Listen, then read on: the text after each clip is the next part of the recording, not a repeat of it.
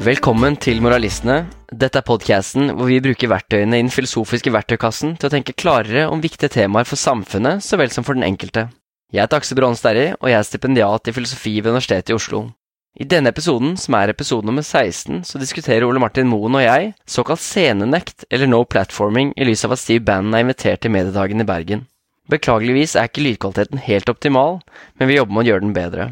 Hvis dere syns episoden spesielt, eller podcasten generelt, gir dere noe, så hadde vi satt stor pris på om dere forteller venner og bekjente om moralistene, eller skryter av podcasten på iTunes, slik at flere kan få gleden av å høre på den.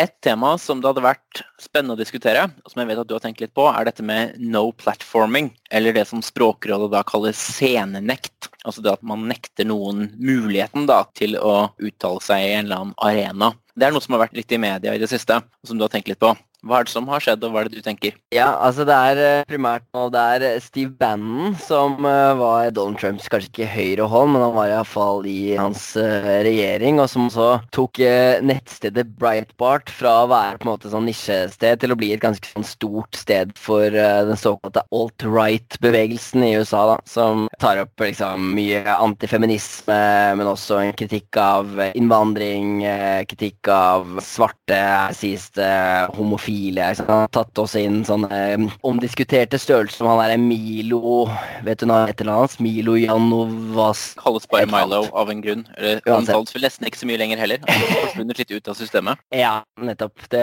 på en måte kanskje etter hvert for ekstremt, da. Men han kommer iallfall, Steve Bannon, kommer til de nordiske mediedagene i mai. Og det har fått en del aktører i norsk offentlighet, bl.a. Mohammed Abdi, som skriver i Morgenbladet og en del andre aviser, har fått dem til å kritisere nordiske mediedager for å invitere ham, og oppfordre dem til å trekke invitasjonen, hvis jeg forstår det rett, og også oppfordre andre til å si nei til å delta på eh, nordiske mediedager, som en form for boikott eller kritikk av det å invitere ham, da, og ikke på en måte for å gi han legitimitet. Og det som gjør dette interessant, syns jeg, er at ikke fordi jeg på en måte har et sånn veldig klart måte, svar for på en måte, hva er det rette å gjøre her, men jeg bare syns den debatten som går, ofte er så dårlig. For jeg syns den måte, går mellom på den ene siden så på en måte sier man liksom, Mohammed Abed har sagt sånn «Eh, Denne mannen truer eksistensen til sånne som eh, meg. Og det gjør selvfølgelig at vi ikke må invitere ham. Det er på en måte det ene argumentet. På en måte Denne mannen her er så fæl at vi på en måte ikke kan gjøre noe med argumentene. Men så er det vanskelig å få tak på hva denne fyren, Bannon, har gjort som gjør at det legitimerer at han truer eksistensen til på en måte norske muslimer. Og på den andre siden så har du en del sånne ytringsfrihetskrigere som sier liksom Å ja, så du har tenkt å kneble Bannon og nekte ham ytringsfriheten sin, for å si det på en måte veldig mm, Sette på spissen, da. Og jeg synes på en måte sånn, den, Det virker på meg som om du ikke kan gå helt sånn abstrakt ytringsfrihetsteori for å forsvare det. fordi det er bare sånn man kan gjøre det veldig enkelt. Så jeg så sånn Kjetil Rollnes han hadde en sånn greie i Aftenposten hvor han sier altså det er jo ikke sånn at skal, man skal invitere Steve Bannon til nordiske mediedager for å på en måte høre hans tanker om hans politiske prosjekt. For han driver nå en sånn prøver å samle alle høyre krefter i Europa, som er en bevegelse som heter The Movement. Eh, og det er ikke sånn at de skal ta opp det, de skal jo ta opp hans liksom, Vi skal lære litt om hans uh, erfaring med media. For det første er jo ikke det sant. Vi skal snakke om hans politiske prosjekt. Og for det andre så er det sånn, bare for å gjøre det på en måte liksom absurd, så er det sånn her eh, sier at vi aksepterer at uh, Adolf Hitler var en habil kunstkritiker, da. Så etter at han liksom tar til orde for at liksom, Tyskland skal bli jødefritt og, og hele pakka, så er det ikke sånn at du bare kan invitere han til å si sånn Her skal vi bare høre Adolf Hitler sin kunstkritikk. Vi har invitert han til vår lille kunstkritikksalong. Så vi skal ikke på en måte bry oss om alt det han sier ellers. Så det er bare det vi skal gjøre. Så jeg tenker at Når du på en måte inviterer noen, gir noen en scene, så må du tenke over ok, dette er en del av hans politiske prosjekt. Hva er det han får ut av dette? Hva er det på en måte konsekvensen av det for andre osv.? til å gå gjennom en hel sånn rekke konkrete argumenter som har å gjøre med måte hvem han er, hva hans prosjekt er og alt det greiene der. Så det er ikke så lett å bare liksom holde det på et sånn abstraksjonsnivå som en del folk gjør i debatten. da. Men de, de vil jo, Rollnes vil jo også antagelig være enig i at vi må jo ha visse seleksjonskriterier for hvem man skal invitere. Du kan ikke invitere alle, du må velge på en eller annen måte. Men er hans tanke da at det du skal velge på grunnlag av, er på en måte hvor på en måte, interessante ting har du å si i denne debatten? Og hvis du har interessante ting å si, så er andre faktorer irrelevant. Da har det ikke noe å si hva du ellers har sagt, at du gir legitimitet til noen. At noen kanskje med rette føler seg truet av det, f.eks. Da er det irrelevant. Da er det utelukkende det at vedkommende har noe å bidra med i diskusjonen. Da. Er det det som kanskje da er rollen sitt syn? Jeg tror på en måte ikke at det egentlig er synet, ikke sant? men det er det synet som fremføres. Fordi det er på en måte du slipper å gå inn i alle de vanskelige avgrensningene ikke sant? som må gjøres på en måte hvis du ikke sier at bare dette her handler utelukkende om hvis Så lenge du ikke oppfordrer til vold, så lenge du ikke oppfordrer til liksom, folkemord eller nettopp det at eh, noens, eller truer noens eksistens på grunnleggende sett vis, så lenge du ikke gjør det, så på en måte er det nettopp bare det at eh, har du noe interessant å si, kan du være en interessant case study som vi på en måte kan grave i, så er det på en måte virker det nettopp som tilstrekkelig da, for å invitere noen. Det ser sånn ut. Ja, Vi kommer jo egentlig til en diskusjon som er litt sånn typisk for filosofi. da. Ikke bare diskutere hvordan skal vi tenke om banden, men hva er det som på en måte er kriteriet her. da. Og Det er to forskjellige diskusjoner. altså Hvor er det banden hører hjemme? Jeg har ikke noe, kanskje som deg, ikke en veldig sånn tydelig oppfatning av hva nøyaktig banden har gjort og sagt. Jeg har jo på en måte hatt han på radaren min en stund, men jeg har ikke satt meg inn i hva det er han sier. Men uavhengig av hvor han skal sorteres, så er spørsmålet hva er det som er sorteringskriteriet.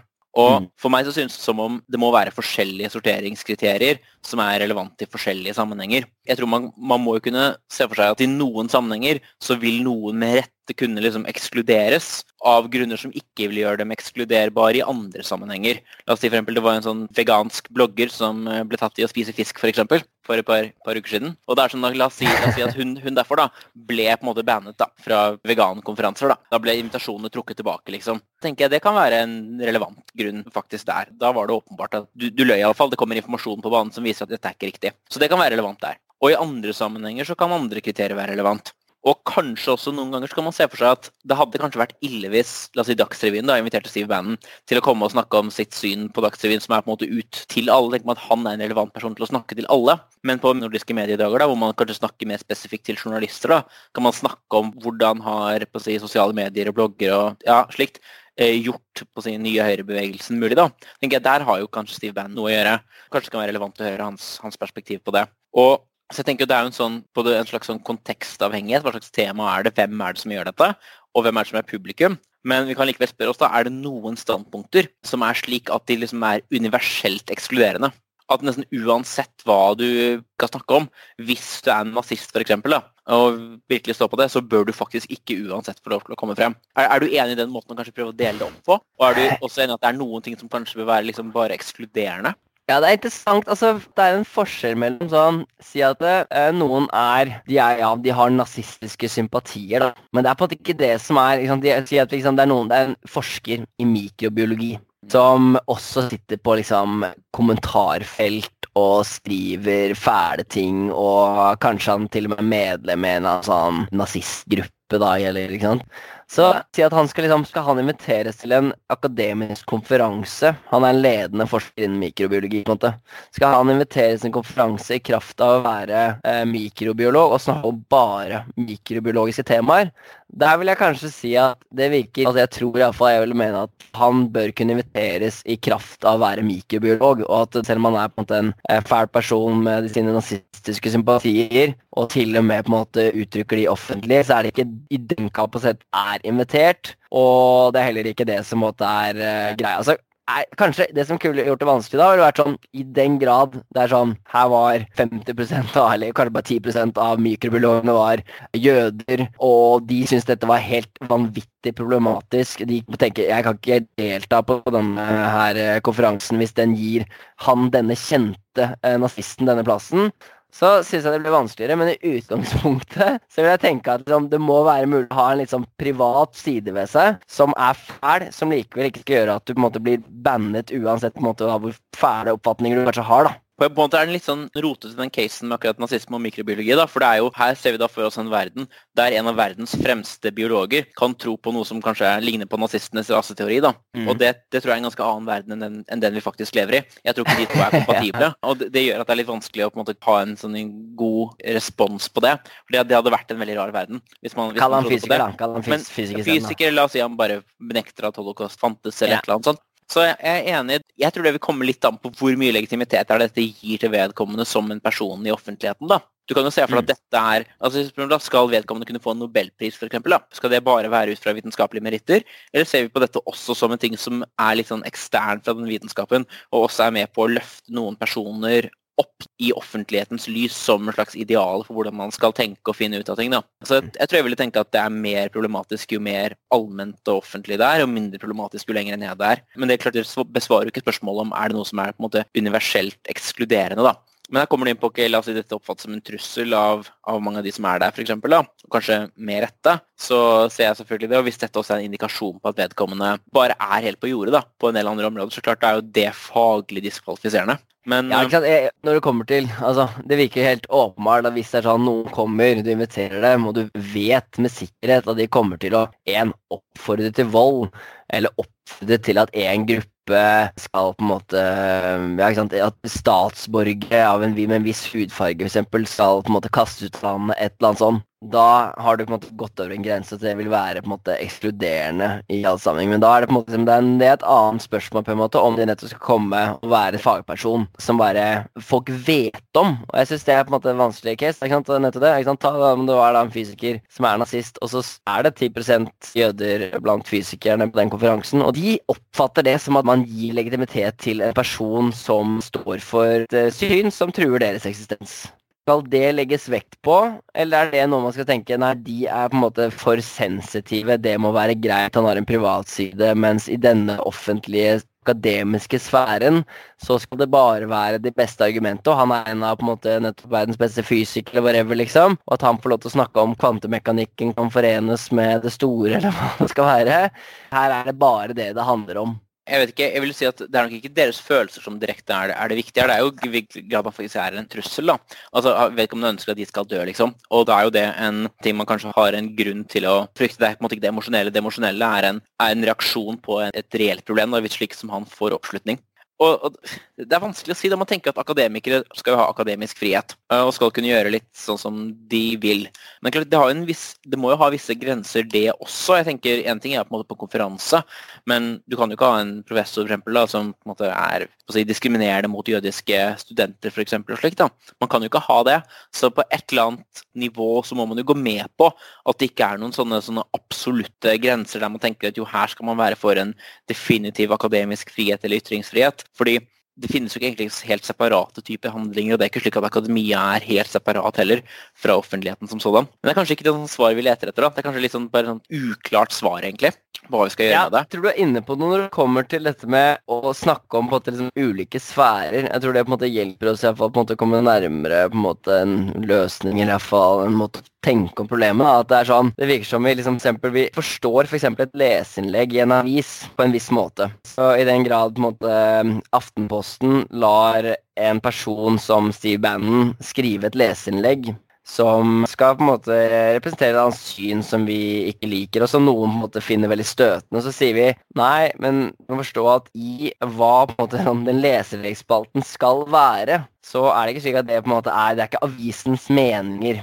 Dette her, er på en måte, her skal alle forbi. Altså, vi har på en måte stor takhøyde for det som på en måte publiseres der. Og det skal, på en måte, siden folk kjenner til det, folk vet hva på en måte leserne er, iallfall til en viss grad, vi prøver å fortelle dem det, så er det på en måte ikke mye legitimitet som gis. Samme hvis du på en måte inviterer noen til en, en sånn paneldebatt i en kjeller på et eller annet sted, eh, ikke en stor venue, liksom, hvor man diskuterer et eller annet, så er det heller ikke et kjempeproblem, for du gir ikke noen en veldig eh, stor scene. Eventuelt heller hvis eh, journalister spør banden om alt det han eh, driver med, gir han sånn sett da på en måte en scene i form av at han får noen eh, sider i en avis, men med kritiske spørsmål om hans prosjekt, så er det også noe vi forstår som at avisers rolle er å på en måte være kritisk kritisk i møte med maktpersoner, uansett måte, hva de står for. Og Her er det grenser, selvfølgelig, men vi har på en måte har stort spillerom for det. da. Men så jo mer du på en måte løfter noen opp på en sånn Ok, vi har en keynote speaker på de nordiske mediedager, eller hva det skal være. Det er Steve Bannon. Han blir den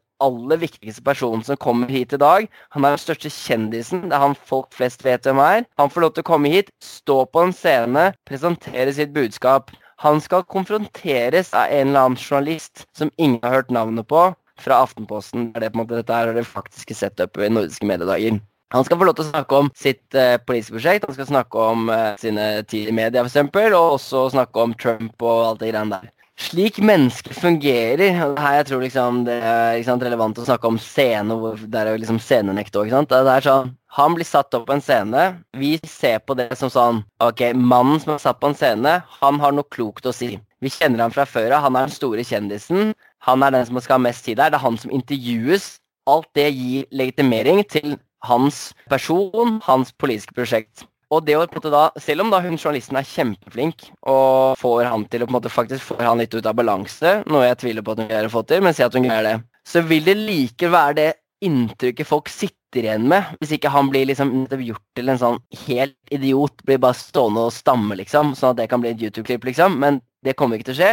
Det kan da gå helt fint for seg så kommer han til å stå igjen fra den greia med å ha på en måte et styrket bilde i Norge. Da. Han kommer til å være på en større person enn han var. Det er det jeg på en måte tror er sånn. Og så er spørsmålet skal man gi en person som har et bevisst politisk prosjekt, den rollen, da? Selv om det skulle vært slik at han da snakket primært om media, på en måte. For han er jo ikke der for å opplyse, han er ikke der av sitt gode hjerte for å opplyse det norske folk eller norske journalister, om hvordan Breitbart ble tatt fra nissenettsted til en stor aktør på høyresiden. Han er jo opptatt av å forene høyrekrefter i Europa. Og det er derfor han er i Norge, er for å sørge for at det prosjektet går så godt som mulig. Og da er det spørsmålet Et eller annet vis så vil du uansett være en nyttig idiot. Skal du være det, da? Ja, og klart, kanskje den måten å tenke på det er jo at det er ikke bare de som arrangerer disse mediedagene som er aktører. Han er jo også en aktør. Og det er spørsmålet skal de samhandle. Er det slik at man selv også kan gå med på det han benytter disse mediedagene til å oppnå? Vil man la det skje? Og ved mm. å tenke at vedkommende der også er en aktør, da, som jo på en måte burde vært et åpenbart perspektiv, som en, som en, som, er der og snakker, så må man jo spørre seg hvilken brikke er det man nå si, lar seg selv spille. da. Og klart, Vi har jo et problem da, hvis du har på en måte noen som bør konfronteres, da, og som har et problematisk standpunkt. Hvis de på en måte aldri kommer inn og blir konfrontert, så kan man jo se for seg at det også er trøblete. Så jeg vet ikke om jeg har noen sånn tydelig løsning på det. Men hvis dette veldig tydelig er noe som gjør at han vil selge flere bøker i Norge f.eks., han vil bli en, en, relevant skikkelse, om ikke annet, selv om man ikke er enig med ham, så kan man jo likevel, altså når noen snakker, så er det jo premissleverandører. Altså hvilke begreper er det de bruker, hva er det de mener er de relevante spørsmålene, hvordan er det de kategoriserer de forskjellige posisjonene som finnes på et spørsmål. Man er jo premissleverandør på veldig mange måter. Selv om folk måtte si at ja, de er uenige med ham i standpunkt X, så kan de likevel ha blitt påvirket av ham, kanskje på en negativ måte også, da, på veldig, veldig, veldig mange måter. Og man kan ha vært med på å fremme hans prosjekt på veldig mange måter. Og da må man spørre seg hvor kloke er de som inviterer ham, f.eks. Og her trenger vi jo antagelig en sånn pushback mot de som søker å invitere kontroversielle og også ganske skadelige da, personer bare for å trekke oppmerksomhet. Nå diskuterer vi dette. Da blir jo nordiske mediedager diskutert. Da får dette oppmerksomhet. Det vil jo de sikkert ha. Og da kanskje de selger billetter. Kanskje de får en si, lettere for dem å kunne selge si, reklame eller hva, hva, enn det er de gjør. da. Så man må jo ha en eller annen form for liksom, offentlig pushback mot de som forsøker å tjene penger, få oppmerksomhet for å fremme ting som er veldig negativt. Sånn som Juritzen forlag, for eksempel. Er det ikke de nå som utgir for eksempel, mm. en praktutgave nesten av Min kamp av Hitler? Mm. Og det er veldig problematisk hvis vi i samfunnet ikke har noen negative sanksjoner mot de som søker Det er en slags eksternalitet, da. Altså, De påfører kanskje samfunnet et onde mot at de tjener ganske mye på selv å gjøre det. da. Og Her må vi ha en måte å liksom internalisere dette på. da. Og Det er veldig vanskelig å gjøre det politisk. Da må du bare gjøre det på å si, sosialt frivillig da, gjennom en si, boikott, kritikk osv. Helt enig. Jeg synes det er et godt poeng. Og det er vel det som jeg syns ofte er sånn mangler litt i den debatten, og som er sånn når da nettopp noen sier eh, ikke sant? Det er veldig veldig få mennesker som sitter og tar vurderingen om hvem som skal inviteres. Så blir det gjort, og så får vi plutselig informasjon om hvem som er invitert. Og så reagerer noen på det, sier sånn Det burde du ikke gjort. Det der er skikkelig dårlige greier. Han burde aldri vært invitert. Og så blir det framet som at å ja, så du har lyst til å kneble han, eller du har lyst til å frata han ytringsfriheten sin. Skal ikke han få lov til å si noe? Hvorfor mener du det? Og ikke sant, så det sånn Ok, dette her er jo egentlig et innspill i hva er det du burde gjort. Med selvfølgelig siktemål om hva er det dere skal gjøre neste gang. ikke sant? Så det å kunne ha en sånn debatt som du sier, hvor man nettopp sanksjonerer folk som tar i det man selv tenker er et dårlig valg ved å påføre samfunnet kostnader, påføre en selv kostnader, så må en kunne protestere på det viset da, eh, ved å si dette er en skikkelig skikkelig dårlig idé, og det burde vi boikotte. Mens når man da på en måte stedet man på en måte tenker at når noen først er invitert, så er det akkurat som de på en måte får krav på å ha den scenen. Og så vil de som da på en måte kritiserer det og sier at nei, de burde ikke hatt den scenen, uh, enten ja, dere burde trekke invitasjonen, det var en dårlig vurdering, trekk den tilbake, eller vi gidder iallfall ikke stille opp og legitimere denne personen. Så på en måte er det sånn, nei, det er på en måte da gærent. Men jeg tenker det er en helt uh, fair greie, som du sier. da. Det er fair, for du kunne jo se for deg at når noen først er invitert, så skal de ha den posisjonen de hadde. Men du mener det kan være greit å trekke den også etter invitasjonen? Jeg tenker at det kan, kan, på en måte være fair, men jeg tror det veldig sjelden hjelper. Altså på en måte liksom, Ofte har skaden skjedd. Altså, Siden vi vet at dynamikken er slik Du har invitert en person som gir den personen legitimitet, som gjør at folk lytter mer til den personen osv. Og, så og så vet du at hvis du trekker invitasjonen, så vil det i veldig veldig mange tilfeller, i hvert fall i dagens samfunn med sosiale medier, bla, bla, så vil dette her på en måte eksplodere ikke sant? og det blir brukt i politiske kamper. Så det vil du, være, veldig, du vil veldig sjelden være tjent med det. Selv om hvis du kunne, på en måte, hvis du inviterer noen, så kan du trekke invitasjonen fordi du har på en måte skjønt at ja, vi dreit oss ut. Vi var jo bare to-tre stykker som tok den vurderingen. Nå har vi fått mer informasjon. Det var en av dårlig vurdering. Vi trekker den uh, invitasjonen. Sorry, liksom. Uh, beklager det, men sånn er det i, i, den grad du kan gjøre det på en måte i stealth mode, liksom, ingen fikk det med seg, så mener jeg at det kan være leg legitimert. da. Det er selvfølgelig en kostnad du påfører den personen som blir invitert, og den, som må ta inn vurderingen, men i visse tilfeller mener jeg det kan være greit. Men jeg tror ikke det er noe strategisk lurt. Veldig sjelden er det det. Jeg er enig. Man, man kan jo se for seg at, at litt av problemet her da, nettopp er, er disse kommersielle medieaktørene som ønsker å få klikk og ønsker å få visninger, og som dermed ønsker å være litt sånn sensasjonelle. Og da skulle man jo tro at sånn som NRK f.eks. skulle vært bedre. Men jeg, jeg har bare lyst til å Det er litt på siden av banden, men NRK Østlandssendingen hadde et sånt oppslag for et par uker siden nå om Hans Jørgen Lysglimt og dette partiet hans, alliansen, som hadde satt opp masse prominente Frp-politikere og komikere eller noe på sin valgliste. Og lagde et stort innslag om det, og deres reaksjoner på det. Og hva de syntes som ble satt på den listen mot sin vilje. Og i intervju med Hans Jørgen Lysglimt også om dette her, da. Det var et langt radioinnslag og en svær ting på nrk.no. Og da ble jeg ganske forbannet på NRK for at de gjorde det. For dette er jo utelukkende en mediestunt fra en nazist som bare ønsker å være ute i media for å få oppmerksomhet. Og Da ble jeg veldig veldig skuffet over, over NRK, særlig den NRK Østlandssendingen. Det morsomme var at bare et par dager etterpå så ringte de meg og spurte om jeg ville være med å diskutere filosofi på NRK Østlandssendingen. Så da fikk jeg muligheten til å si at det, det ville jeg ikke, nettopp, nettopp av den grunn. For jeg syns det var skikkelig dårlig gjort. Det kan man i hvert fall ikke gjøre. Og her har du på en måte Altså Steve Bannon kan man jo tenke at med en viss rimelighet har noe å si. Han er en ganske innflytelsesrik person. Han har gjort ganske mye som er på godt eller vondt, da, har mye å si i verden. Og det er på en måte for disse mediedagene, som jeg skjønner jo at på de som jobber med mediebedrifter, er interessert i den tematikken. Mens her da, så ser jeg noe som virker som et forferdelig mye mer radikalt tilfelle. Der man mm. allmennkringkaster noe som er fullstendig verdiløst med mm. tanke på innhold, og som også er potensielt mye mye farligere også. Vi har jo en litt sånn kanskje voksen si, nynazistisk bølge i Norge, og han er jo deres klovn, liksom, som er ute i media og viser seg frem. Og at NRK bidrar til det, syns jeg er eh, skikkelig, skikkelig dårlig gjort. Helt enig. og man må tenke? Det er jo selvfølgelig alltid en veldig vanskelig bit som, der, som media skal gjøre i helt sånne konkrete avgjørelser. Som er sånn OK, dette her er et stunt som en politiker gjør. Skal man ta det på alvor eller ikke, eller skal man gi det oppmerksomhet? Og klart I dette tilfellet virker det ganske åpenbart at de ikke burde gjort det. Og generelt burde gi denne fyren her mye mindre oppmerksomhet. Kanskje av hensyn til han selv òg. Uh, mens i andre tilfeller kan man generalisere opp det problemet. bare sånn der, Hvor mye av uh, journalistikken som egentlig er å være mikrofonstativ overfor noen som prøver å sette en agenda. ikke sant? Og greier, hvor, hvor så greier journalisten selv å sette dagsorden og være kritiske. da. Men det jeg lurer på, er når det kommer til sant, det å invitere noe, en person da, i dagens samfunn hvor sant, Hvis du går tilbake eh, i 50 år, eller du går tilbake på 20 år, da, så var kanskje det å på en måte invitere Steve Bannon var veldig spennende. ikke sant? En type som Steve Bannon. da. Skjønner pakka. Fordi ikke sant, du hadde ikke hørt ham. Du visste ikke egentlig ikke, du visste bare hva han sto for. Og så hadde kanskje noen vært på et foredrag på et eller annet sted i, når de var i USA, på en tur. ikke sant?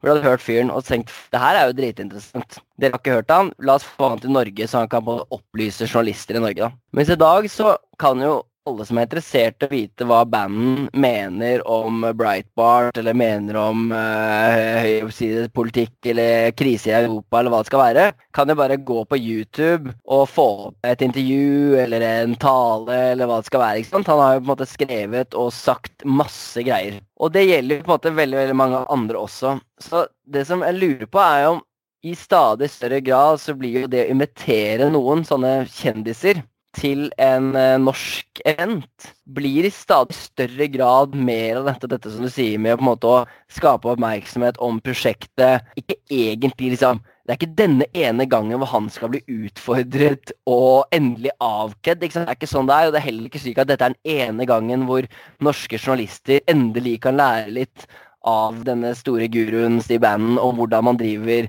presse, eller hva det skal være. da. Så I noen tilfeller så er det mulig kanskje i en rolig kontekst å si liksom, ok, kan ikke du komme til Norge og analysere Norge for oss? Det kan noen ganger være gunstig. Mens i veldig veldig mange tilfeller hvor du bare får en sånn keynote speaker til å gjøre det, så vil det være veldig lite nytt innhold et innhold du kan finne alle andre steder. Og da blir det bare mer av den der, jeg det performative delen av invitasjonen som blir det som gjenstår da, som det du får til, egentlig. da. Det tror jeg høres veldig riktig ut.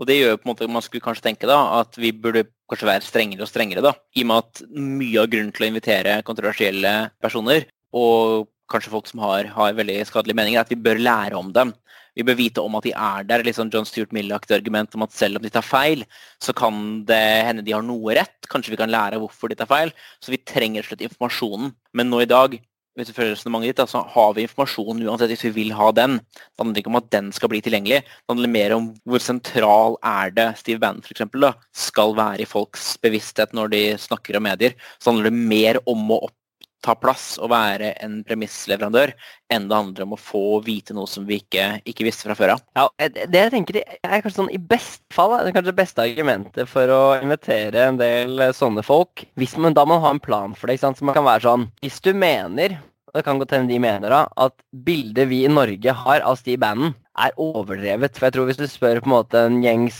Kanskje ikke en gjengs nordmann, kanskje ikke vet hvem Steve Bannon er, men altså, hvis du spør på en måte en gjeng som på en måte intellektuell som følger med og leser litt aviser og kanskje deltar i offentligheten, så vil de se på Steve Bannon som en ganske kjip fyr. Han har noen jævlig kjipe meninger. Han har stått bak The Muslim Band. Han er på en måte langt til høyre for våre egne, ikke sant, for Frp i Norge, tror jeg de fleste vil tenke han er, da. Så hvis du er av den oppfatningen at dette her er feilaktig, at denne fyren egentlig står for en mye mer moderat linje enn det vi tror, så kan det være et argument for å invitere han til Norge. Så ser vi sånn Å ja, han er bare en vanlig høyrepopulist. Det var kanskje viktig for oss å få med oss. Men da må nettopp det kanskje være en del av eh, motivasjonen da, til om det er nordiske mediedagers plan. Og det vil jo på en måte kanskje være Det er ikke det de på en måte bruker som forsvar for det, men det kunne på en måte vært interessant i den grad man mente det. da. Enig. Da er det jo på en måte et informasjonsargument igjen, da. Da er det snakk om at da lærer vi faktisk noe nytt ved at han er her. Eh, og da må det presumptivt være noe vi ikke kunne få tak i på andre måter, da. Eller noe vi i hvert fall ikke ville få tak i, da. Hvis vi bare på å si, hørte videoen hans og så, så det han gjorde. Ja, for det er, og, dette virker jo på en måte begge veier, kan du si. Når vi slik jeg tenker om dette, når vi ser noen nært opp, så er det, en, det fins én av liksom 10 000 ganger, så ser vi djevelen. Eh, vi ser bare, når jeg først så han sto der, liksom, så så jeg bare hvor jævlig kjip han fyren her var. Hørte han snakke, mm. liksom, jeg har ikke tenkt på det før. Mens i nesten alle andre sammenhenger så vil jo den personen som står foran deg på en scene og taler, vil framstå som mye bedre enn du trodde. Ja. En uh, sympatisk, mye mer veltalende fyr. Han var så ekstrem, ikke sant. Og det her virka jo ganske fornuftig, til og med. Han peker på noen problemer vi har. Veldig mange vil bli sittende igjen med etter å ha hørt noen prate i 30 minutter, tenker jeg ok, mer rimelig enn jeg trodde. Iallfall hvis de har et uh, skjevt utgangspunkt. Uh, da vil jo det på en måte nettopp være sånn Noen ganger er det viktig å gjøre, for det nettopp da på en måte normaliserer de personene i vår bevissthet. Så hvis vi har et helt feil bilde av dem, så vil det på en måte være en fin ting. Men det har jo da den andre siden at det nettopp er sånn Ja, men det er nettopp den effekten det her kommer til å ha, da. Så hvis du mener at Siban egentlig er en fyr som har et veldig problematisk politisk prosjekt, som han er utrolig flink og strategisk til å på en måte frame på ulike måter som virker lekkert for ulike publikum, og kan komme til Norge og nettopp ha den effekten der, normalisere seg selv, gjøre seg som en del av mainstream, og dermed også gjøre hans movement til en, en mer aktuell ting her også i Norge, så er det spørsmålet nettopp igjen skal man være med på det. da? Er det det man egentlig legger til rette for? I hvert fall i effekt så er det det Nordiske mediedager legger til rette for. Og da er det spørsmålet om de egentlig har gjort det og tenkt seg grundig om. da. Men jeg kjenner jo at jeg lurer litt opp her da. Hvem er det som kontaktet hvem her egentlig? Er han på en europaturné liksom? Og så var det spørsmål hvem er det som gjør noe da? Og så hei, jeg kan komme til dere liksom også. Og han, Steve Bannon vet jo hvordan media, media funker. Kanskje jeg skal tenke som skal ha en sånn retningslinje for det, da, så vil jeg jo på en måte tenke at jo, jo, mer problematisk en aktør er, jo mer de har en egen agenda som man selv mener er farlig, da, jo mindre må de få lov til å sette premissene for hva som skal skje. For du mm. kan jo se i verste fall da, at du, du har dette veldig oppstyret hvor du skal prøve å få oppmerksomhet rundt ditt event. da og du i tillegg bare gir noen en mikrofon, og så er vi på en måte, så får de bare holde sin ting som de alltid gjør, så har vi to veldig problematiske ting sammen. Der på en måte, noen har et insentiv til å la de aller verste få lov til å bli agendasettere. Og det må vi jo ikke ha. Det er veldig dumt. Så det er spørsmålet burde man jo egentlig ha måter å håndtere det på, som ikke bare er at du skal ha en journalist som prøver å stille på å si journalistiske spørsmål, men noen som, noen som virkelig kan dette er noe jeg tror akademikere kunne spille en veldig god rolle på, da, hvis det var noen som var god til, å, god til å formidle og faktisk var veldig kunnskapsrike om dette fenomenet, faktisk kunne klart å være reelt kritisk da. tenker jeg Da ville det vært veldig bra. Så jo mer på å si, ytterliggående og potensielt farlig en figur er det, jo mer agenda de har, jo viktigere er det hvis man skal gjennomføre det, da, at man har muligheten til faktisk å kunne stille vedkommende til veggs, og ikke bare være talerør for vedkommende, som man jo fort kan bli, med mindre man vokter seg veldig veldig godt. Ja, det er sånn at det nesten er en grense for Hvis du setter noen på en scene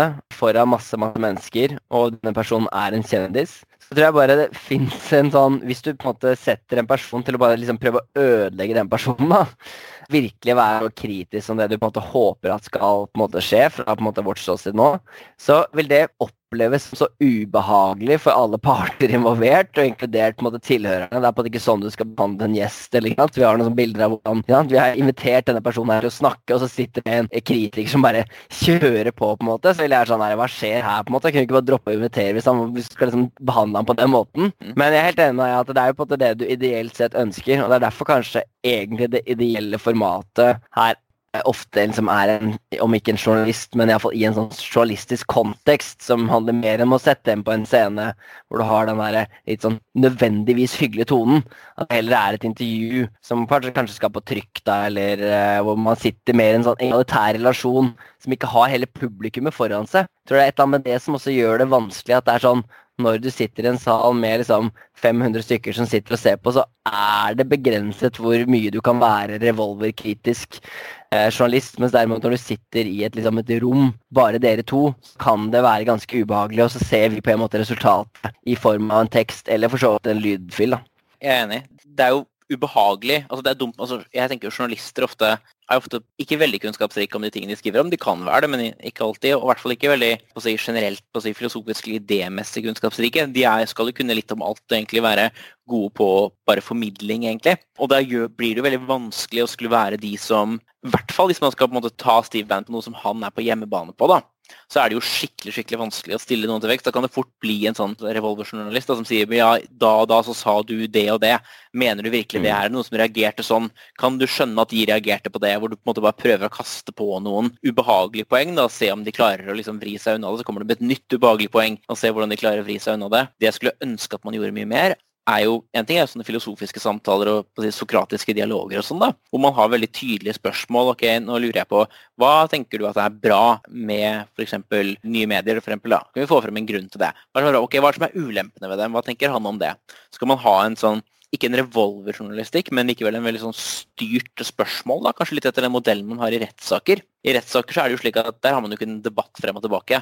Der er det jo en utspørring. Der En dommer for eksempel, kan stille spørsmål, og, eller en advokat kan stille spørsmål uten at det blir en diskusjon. og Da er det jo spørsmål om å komme seg inn i sakens kjerne. da. Men Jeg skulle ønske at vi hadde modeller for å prøve å grave i hva folk mener og i ideer, da, som ikke var basert så mye på bare den formidling og underholdningsbiten som det ofte er, som journalister ofte dytter det i retning av. Men At man prøvde å finne ut litt hva, hva mer er det de mener. da.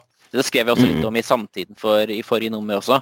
Intellektuell gravejournalistikk heter den vi analyserte Dagsnytt 18 litt jeg tror man fort kan bli litt sånn nyttige idioter da, for folk ved å bare stille et spørsmål som egentlig ikke er et ordentlig spørsmål. det er bare sånn, Du bare spiller opp til dem, liksom.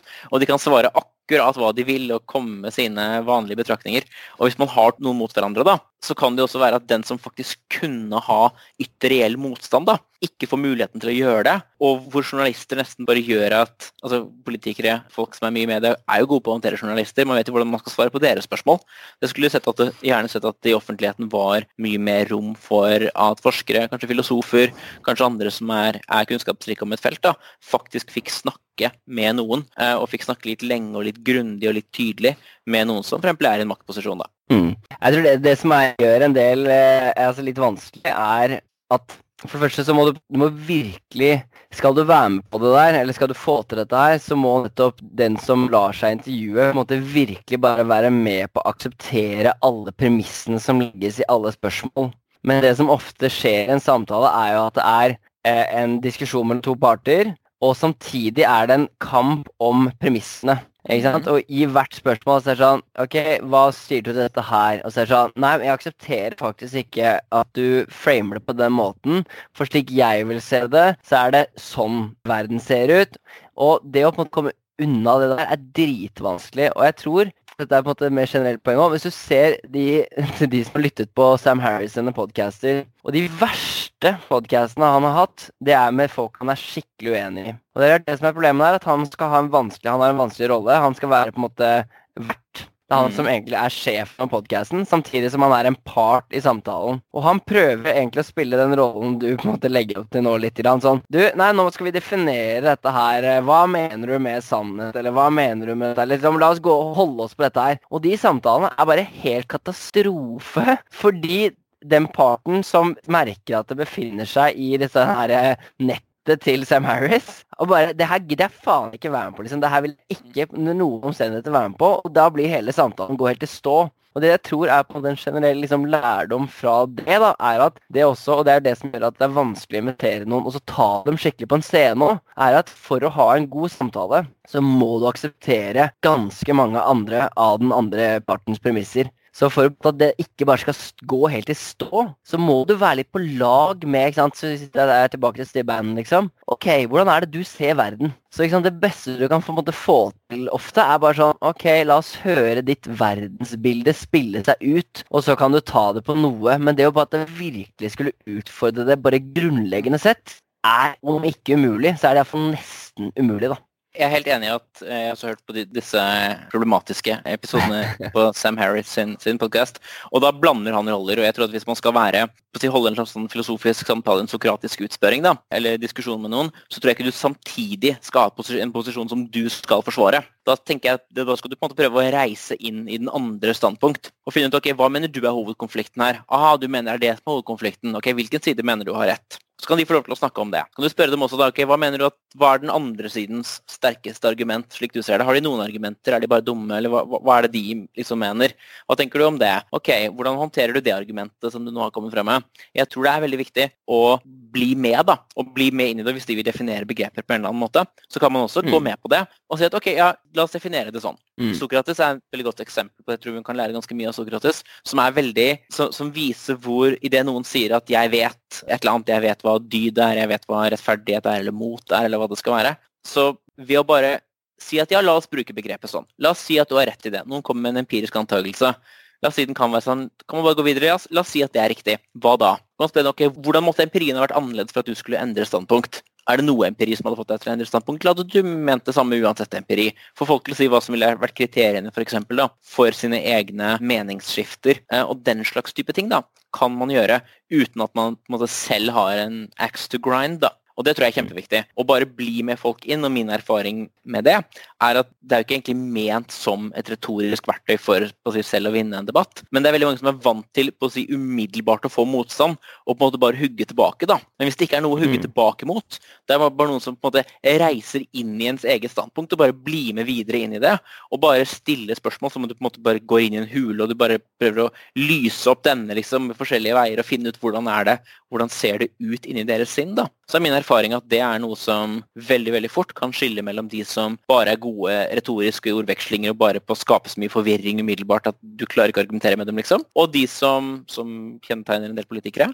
og de som faktisk har tenkt godt gjennom dette her, da, og har et, kjenner til litteraturen på det, kjenner til standpunktene, vet hva de selv mener, og vet hva de alternative standpunktene er. Det høres rimeligere ut, det, ja. At det er mulig å Så det, jeg tror noen ganger det krever en tillit av den andre parten. At det her ikke bare er et At det ikke er noen på den andre siden som bare skal lure deg. For da vil de ofte på en måte bli usikre i hele den fasen der. Men at hvis du kan bygge opp en litt grunnleggende tillit i en del sånn, sånn utspørring, så tror jeg definitivt det er på en måte mulig å få den andre personen på, liksom, med på blir usikker kanskje også på sine egne standpunkter. Og det har du jo. Ser du på noe sånt, Hvis du bare stiller folk noen sånne grunnleggende faktaspørsmål også, istedenfor å si sånn OK, hva jeg får høre hva du mener om liksom, eh, helsereformen i USA. på en måte, så har folk veldig sånn, sterke meninger om det. Hvis du heller sier kan du forklare meg hvordan denne helsereformen egentlig fungerer? Mm. Og så vil jo de fleste ikke ha peiling på hvordan helsereformen egentlig funker.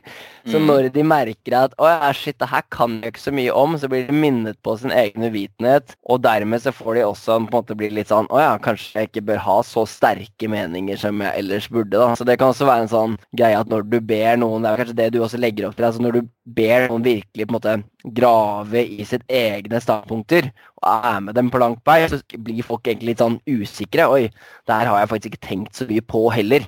Og dermed også vil de kanskje moderere seg litt òg. Da kanskje bli åpne for at å ja, det her er kanskje ikke så gjennomtenkt som jeg trodde egentlig. da. Men hvis de får lov til å holde på disse punktene sine, som de har måte gjentatte ganger uh, gått gjennom, så er det på en måte lettere å la seg lure av sine egne talepunkter. da. Ja, og Det er dette Sokrates prøver å gjøre også. da. Han forsøker jo bare å få folk til å innse sin egen uvitenhet. da. Her er det noen mm -hmm. som kommer inn som mener at de vet et eller annet. Og så inntar jo han denne det kalles sokratisk uvitenhet. Altså Hvor han bare tenker at fantastisk, du vet hva rettferdighet er. Kan ikke du være så snill, jeg lurer veldig på dette, kan ikke du være så snill å forklare meg hva rettferdighet er? Og så sier noen at ja, men rettferdighet det er å gi til de som eventuelt trenger det mer enn deg. da. Så lurer Sokrates på hm, spennende, men er det et eksempel på rettferdighet, eller er det det rettferdighet er? Så kommer det frem at ja, men det er bare et eksempel på rettferdighet. Og så sier han jo tilbake men det var jo ikke det han lurte på. Så han er fortsatt uvitende, han vet fortsatt ikke hva rettferdighet er. Så vedkommende har jo ikke levert varene som vedkommende sa at skulle leveres. Så da lurer vi fortsatt på hva er det, hva er det rettferdighet er. Og bare det å ha denne Det er nesten noe sånn, sånn barnslig naivt over det, som er veldig fint, og som si, debatteknisk retorisk da, også fungerer veldig fint. fordi da får jo også den parten som svarer på spørsmålene, får jo hele bevisbyrden. Hvis du argumenterer selv, så tar du på deg en bevisbyrde. Og da kan vedkommende begynne å stille spørsmålstegn ved hva er det du sier, kan, er det usikkert, hva er din motivasjon osv. Men hvis det ikke er noe der, det er ingen motpart egentlig, det er ikke noen du kan fekte med, det er ingen som slår tilbake, så blir du på en måte bare stående der litt alene. da. Og da ligger mm. alt på deg, og du må vise hvorfor du tror dette. Og du får aldri noen du kan angripe. da. Og på en måte, hvis angrep er det beste forsvar, da, så er det veldig vanskelig å være i en situasjon der du faktisk ikke kan forsvare deg mot angrep eller noen, for det kommer ikke angrep i det hele tatt. Så mm. det, jeg tror det er litt sånn, det har vært gøy å prøve å utforske det litt mer i si, norsk offentlighet også. Og diskutere litt mer sånn. Dette er noe jeg noen ganger, jeg underviser jo noen ganger eh, lærerstudenter i nettopp filosofisk samtale som de kan bruke i klasserommet, eh, som ja, KRLE-lærere, eller religion- og etikklærere på videregående. Og det er veldig det er sånn frigjørende og enkelt og interessant, og det er veldig spennende å se hvor fort folk, eh, hvor fort man kanskje kommer til kjernen, da, hvor fort folk blir stuck og blir klar over at oi, dette visste jeg jo faktisk ikke. Mm. Og så kan folk, få folk klar over at at begrepet brukes på en uklar måte. da, og bare be folk om, Kan du forklare hva det begrepet betyr?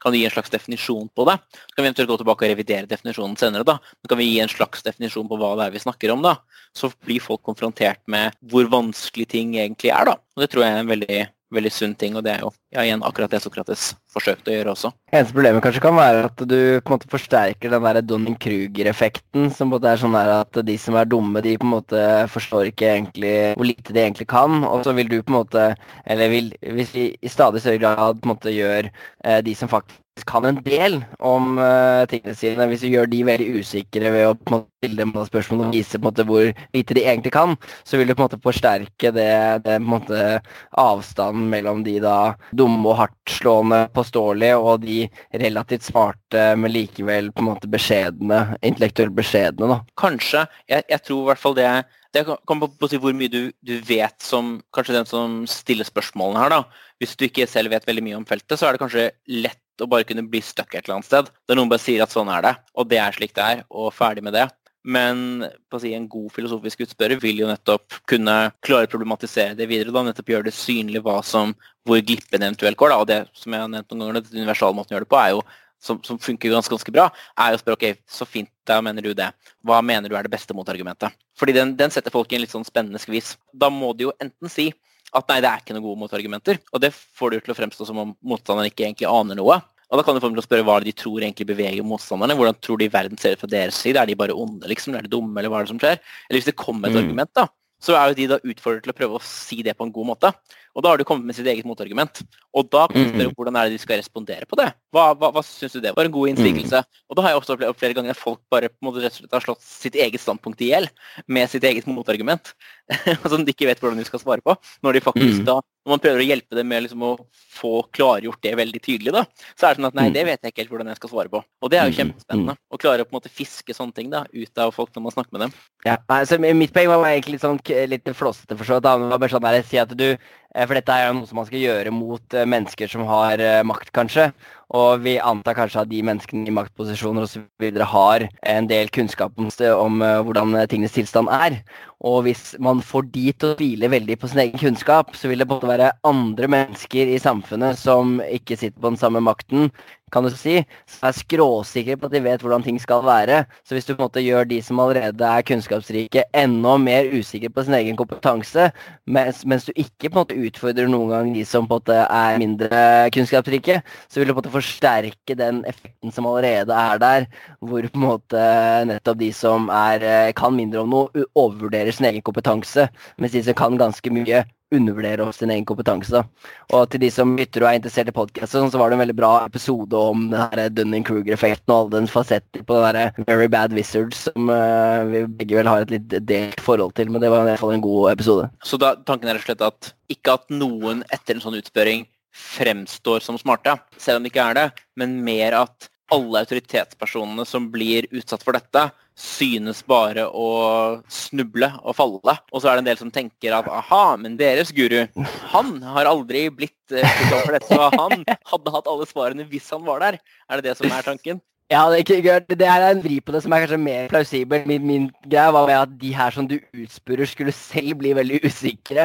Og bare Å, jeg ser hvor lite jeg kan egentlig. Jeg kan jo ikke så mye. Og så er det de som egentlig burde hatt mer tro på sine evner, for de tross alt liksom har mer enn de andre. Men det er kanskje litt sånn Men jeg liker dette her bedre, egentlig, hvor det er sånn Nå da ser nettopp alle disse Si at du gjør dette her med noen leger, f.eks., og så sitter folk i sånn her eh, homopatigjengen og antivaksinegjengen og bare mine eksperter er jo nettopp som du sier, de har aldri feilet og aldri blitt utfordret. Så du må i så fall ta alle sånne fringe-folk også inn i denne um, sokratiske um, Legge de på den uh, divanen og så utspørre dem jeg, jeg, tror det hadde vært lurt å, lurt å gjøre det litt mer, litt mer, i offentligheten. Kanskje det er en ting vi skulle, vi skulle, prøve å gjøre litt også. Tror du at du hadde greid å ta liksom uh, Steve Bannon uh, på den måten, eller har han måte, er han for klar på sitt politiske prosjekt at han vil liksom i løpet av 30 minutter på en scene Vil du fått han til å shake? Jeg vet jo ikke. Jeg, jeg vet jo litt om, litt om hva, hva, Steve Bannon mener også. Og jeg vet ikke om jeg hadde klart å, å si, virkelig stille ham til veggs på noen måte, men jeg tror jo kanskje jeg hadde klart å hvis man, hvis man, tenker at målet da, jeg tenker målet for en filosofisk samtale bør ikke være egentlig å kritisere noen eller å få dem ned og vekk. Det må jo være å prøve å lære noe om hva er det de mener. Og jeg, jeg tror jo at jeg ville klart å klargjøre og tydeliggjøre hva som er hans standpunkt, kanskje. da. Hva er det han, hva er det han mener, hva er det han ikke mener? Er det, hvordan er det folk misforstår ham? ved å ha en sånn samtale? Kanskje. Men igjen, eh, medier er et tema jeg vet ganske lite om, da. Så jeg tror ikke jeg hadde fått til det sånn kjempebra, men, men, men kanskje det fine med, sånn, med, den type samtaler også, er jo at man kan jo egentlig gå inn i et tema bare som en slags sånn veldig på å si lyttende, da. På nesten student av et tema. Og bare ja, belær meg, liksom. Er det det? Er det slik det er? Mm. Hva, hva, mener du om det? Hva betyr det ordet egentlig? Hva, hva mener du? Og jeg tror på en måte at dette er godt verktøy nesten uansett, da. Skal man virkelig stille noen til vegg, så man virkelig er på en måte Man skal ta dem, på en måte. Her er det noen som virkelig har sagt forferdelige ting, og nå skal de konfronteres med hva de har sagt eller hva de har gjort. Så tenker jeg at da er ikke dette her en veldig god strategi.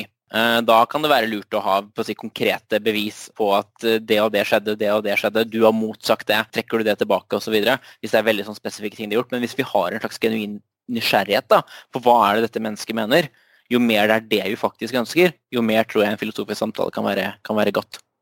Høres bra ut. Skal vi eh, kalle det en dag der, eller eh, Ole Martin? Det, det, får vi gjøre. Får vi fortsette? Jeg tror, jeg tror du er rett i at uh, altså, de sokratiske eller filosofiske samtalene er nyttige, og kanskje nyttig i et podkast-format hvor det nettopp er uh, folk føler seg litt tryggere enn de gjør i, foran 200 mennesker på en eller annen sal. Så vi kan jo se på det som en utfordring for oss selv, og kanskje, kanskje utforske det litt her også. Se om kanskje noe slikt kunne vært, vært nyttig for vår podkast. Absolutt. Bare ikke start med meg.